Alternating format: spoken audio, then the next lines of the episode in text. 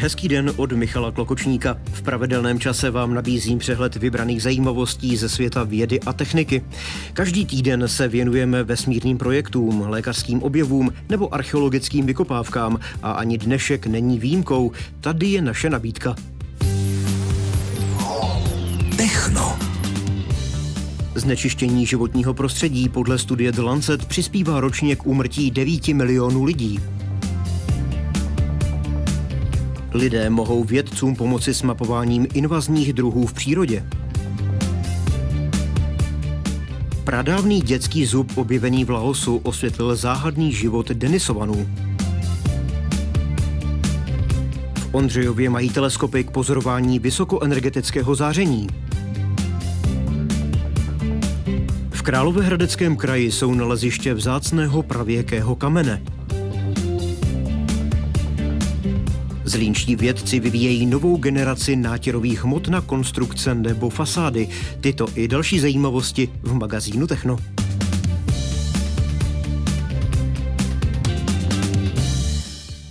Znečištění životního prostředí přispívá každý rok na světě k úmrtí zhruba 9 milionů lidí. Uvádí to studie, kterou zveřejnil časopis The Lancet Planetary Health. Znečištění tak podle vědců stojí za každým šestým úmrtím na světě. Mimořádně špatné údaje vykazují hlavně chudší země v Africe nebo Ázii. V posledních letech roste především počet úmrtí, která souvisejí s moderními podobami znečištění.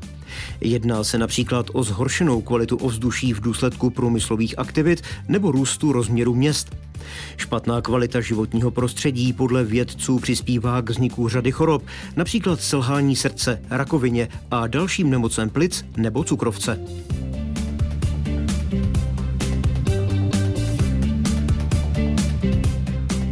Veřejnost může pomoci vědcům s mapováním invazních nepůvodních druhů rostlin a zvířat. Do akce se do zítra zapojí Česko a dalších 11 evropských zemí. S určením invazních druhů i odesláním záznamů lidem podle zástupců Botanického ústavu Akademie věd pomohou mobilní aplikace. Za invazní druhy se považují zavlečené nepůvodní organismy, které se rychle šíří, agresivně vytlačují původní druhy a způsobují rozsáhlé ekologické škody. V Evropské unii je víc než 12 tisíc nepůvodních druhů rostlin a zvířat. 10 až 15 z nich se považuje za invazní. V Česku se eviduje přes 2000 nepůvodních druhů, podíl invazních se pohybuje také do 15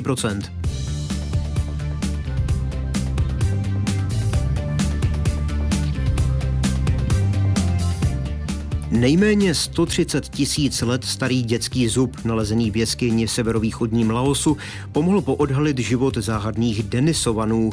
Objev podle nové studie dokazuje, že se tito dávno vyhnulí příbuzní moderních lidí dokázali adaptovat na život v chladném i tropickém klimatu. O Denisovanech se toho ví jen velmi málo. Pojmenovaní jsou podle jeskyně Denisova v sibirském pohoří Altaj, kde byly v roce 2010 poprvé nalezeny jejich fosilizované ostatky, článek prstu a zub.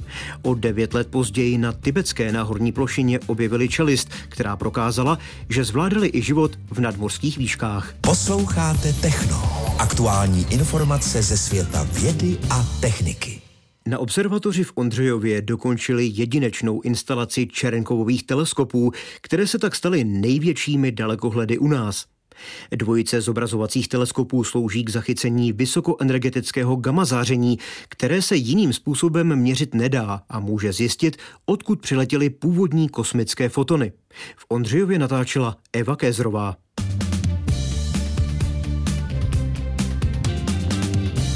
Čerenkovou dalekohled tady v Ondřejově vypadá tak trochu jako červený stožár na ležato, má zhruba tak 15 metrů, přičemž v té spodní části jsou obrovská zrcadla, celkem o průměru nějakých 4 metrů a právě ta by měla měřit gamma záření. Ten dalekohled se může natočit opravdu úplně všemi směry. Říká Petr Trávníček z Fyzikálního ústavu Akademie věd. Má tam vlastně dvě takové otočné osy, jedna je azimutální, to je vlastně ta kolma na Zemi, že se může dotočit opravdu kolem dokola o 360 stupňů stupňů.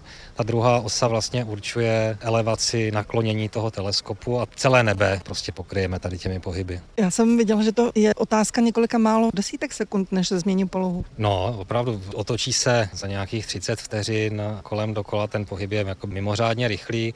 U těch čerenkových teleskopů je to někdy docela důležité, protože když někde na obloze teda něco zableskne, družice to zachytí, teleskopy se tam natočí, tak ještě něco mohou naměřit v té vysokoenergetické oblasti. Tady vidíme v té spodní části velké zrcadlo, ale tvořeno z několika menších zrcadel a pak je tam kamera. Takže jak to funguje? zrcadla, na nich se odrazí čerenkovovo záření, které se vyzařuje v kuželu kolem spršky sekundárního kosmického záření. Odrazí se přesně směrem na tu kameru, složenou z křemikových fotonásobičů, takže je to vlastně takový, zjednodušeně řečeno, fotoaparát, který tu spršku tak, jak letí atmosférou, vyfotí. U každého bodu máme informaci i v který okamžik tam dorazilo světlo a to nám potom pomůže zrekonstruovat dráhu spršky tak, jak letěla atmosférou. Co to vlastně je to čerenkovo záření? Černkovo záření vydávají částice, které se pohybují v hmotném prostředí větší rychlosti, než ve které se v nich pohybuje světlo. Rychlost světla ve váku je vlastně největší dosažitelná rychlost ve vesmíru. Nicméně v zemské atmosféře se to světlo přeci jenom pohybuje o něco malinko pomaleji a vzniká tam malinká mezírka a některé částice se mohou pohybovat rychlostí, které se do toho úzkého okýnka vlezou. To je právě to čerenkovo záření a ono je už je modré? Nachází se na rozhraní modré a ultrafialové části spektra. Proto také, když ta kamera byla před chvíli otevřená, tak se si všimla té žluté plochy. To znamená, že propouští modrou a to je ten filtr, který propouští právě to modré záření do té kamery. Tady v Ondřejově jsou dva tyto teleskopy, už jsou oba sestavené. Jak jsou od sebe daleko? Ta vzdálenost je velmi důležitá, těch cirka 155 metrů je optimální. Důležité je, aby oba dva ty teleskopy zachytili fotony z té jedné čerenkovské spršky a musíme ji znát poměrně přesně, protože to nám pomůže spolehlivě analyzovat data, která těmi teleskopy naměříme. Vědecko-technické novinky na vlnách Českého rozhlasu Hradec Králové. V Královéhradeckém kraji jsou naleziště vzácného pravěkého kamene. Má název metabazit a je výjimečný svou tvrdostí. Poutá pozornost archeologů, kteří se ho snaží zkoumat a opracovat. S jedním z nich, Radomírem Tichým, o tom natáčel Karel Sladký.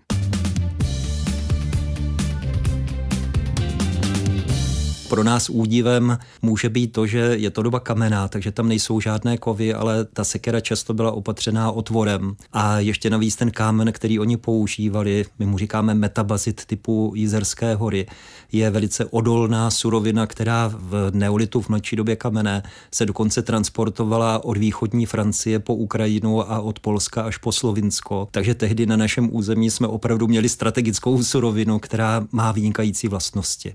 Jaké například? Je hrozně pevná houževnatá. Ono se to v úvozovkách bohužel projeví i při tom zpracování, protože když se ten kámen nejdřív štípe, tak jsou potřeba velice silné údery. Štípe se úplně jiným způsobem než ten známější pazourek, z kterého se dělaly ty řezné nástroje. My jsme mezi tím zjistili a pracovali jsme i s vynikajícím specialistou na štípání s Petrem Zítkou, kterého všichni oprávněně považují za toho nejlepšího na štípání pazourku. A ukázalo se i z jeho pohledu, že to zpracování má úplně jiné chování. Jinak proniká ten úder do nitra toho kamene. Potom se ten kámen brousil, tak k tomu potřeba síla taky je, hlavně k tomu jsou potřeba velké brusy. Ale my jsme ve východních Čechách a tady na Hořickém chlumu ten pískovec, který dneska je proslulý spíš pro sochařství, kamenosochařství, tak se používal a nacházíme ho na těch sídlištích z neolitu v celých východních Čechách i v podobě těch brusů nebo stvárněný do podoby mlínů, kterými se drtilo obilí. Kámen se řezal, ale ono to není úplně, že by se uříznul jako salám, protože se naříznul do nějaké hloubky kolem dvou centimetrů a pak se odlomil. My jsme při těch experimentech měli co dělat, aby jsme zbytek toho kamene teda ulomili. Na závěr některé z těch seker byly vrtané. A my jsme dlouhou dobu nevěděli, jakým způsobem, protože byl používaný dutý vrták. A ten dutý vrták vytváří vývrtek, který je velice pravidelný, takže vy se díváte na ten nedovrtaný kamenný nástroj starý 7000 let. Říkáte si, jak to mohli udělat. Neměli nic kovového k dispozici. Přišli jste na to jak? My jsme právě zkoušeli spoustu materiálu a nakonec se nám osvědčila jelení kost. V poslední době dokonce děláme i otvory, které jsou už nadstandardně velké, takže používáme i hovězí kosti. Ten metabazit je opravdu hodně pevný. Techno. Neznámé novinky na známých frekvencích. Vědci z Centra polymerních systémů z Línské univerzity Tomáše Bati se věnují vývoji nanotechnologií, pracují na výzkumu nových pigmentů do antikorozních nátěrových systémů.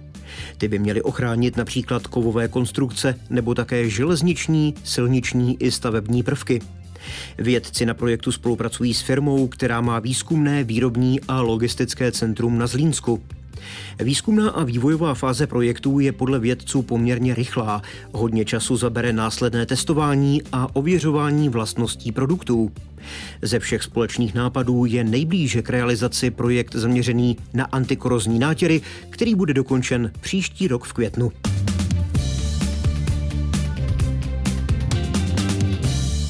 A z Techna je to všechno. Další vědecko-technické zajímavosti vám nabídneme zase za týden. Od mikrofonu Českého rozhlasu Hradec Králové vám hezké dny přeje Michal Klokočník. Mějte se dobře.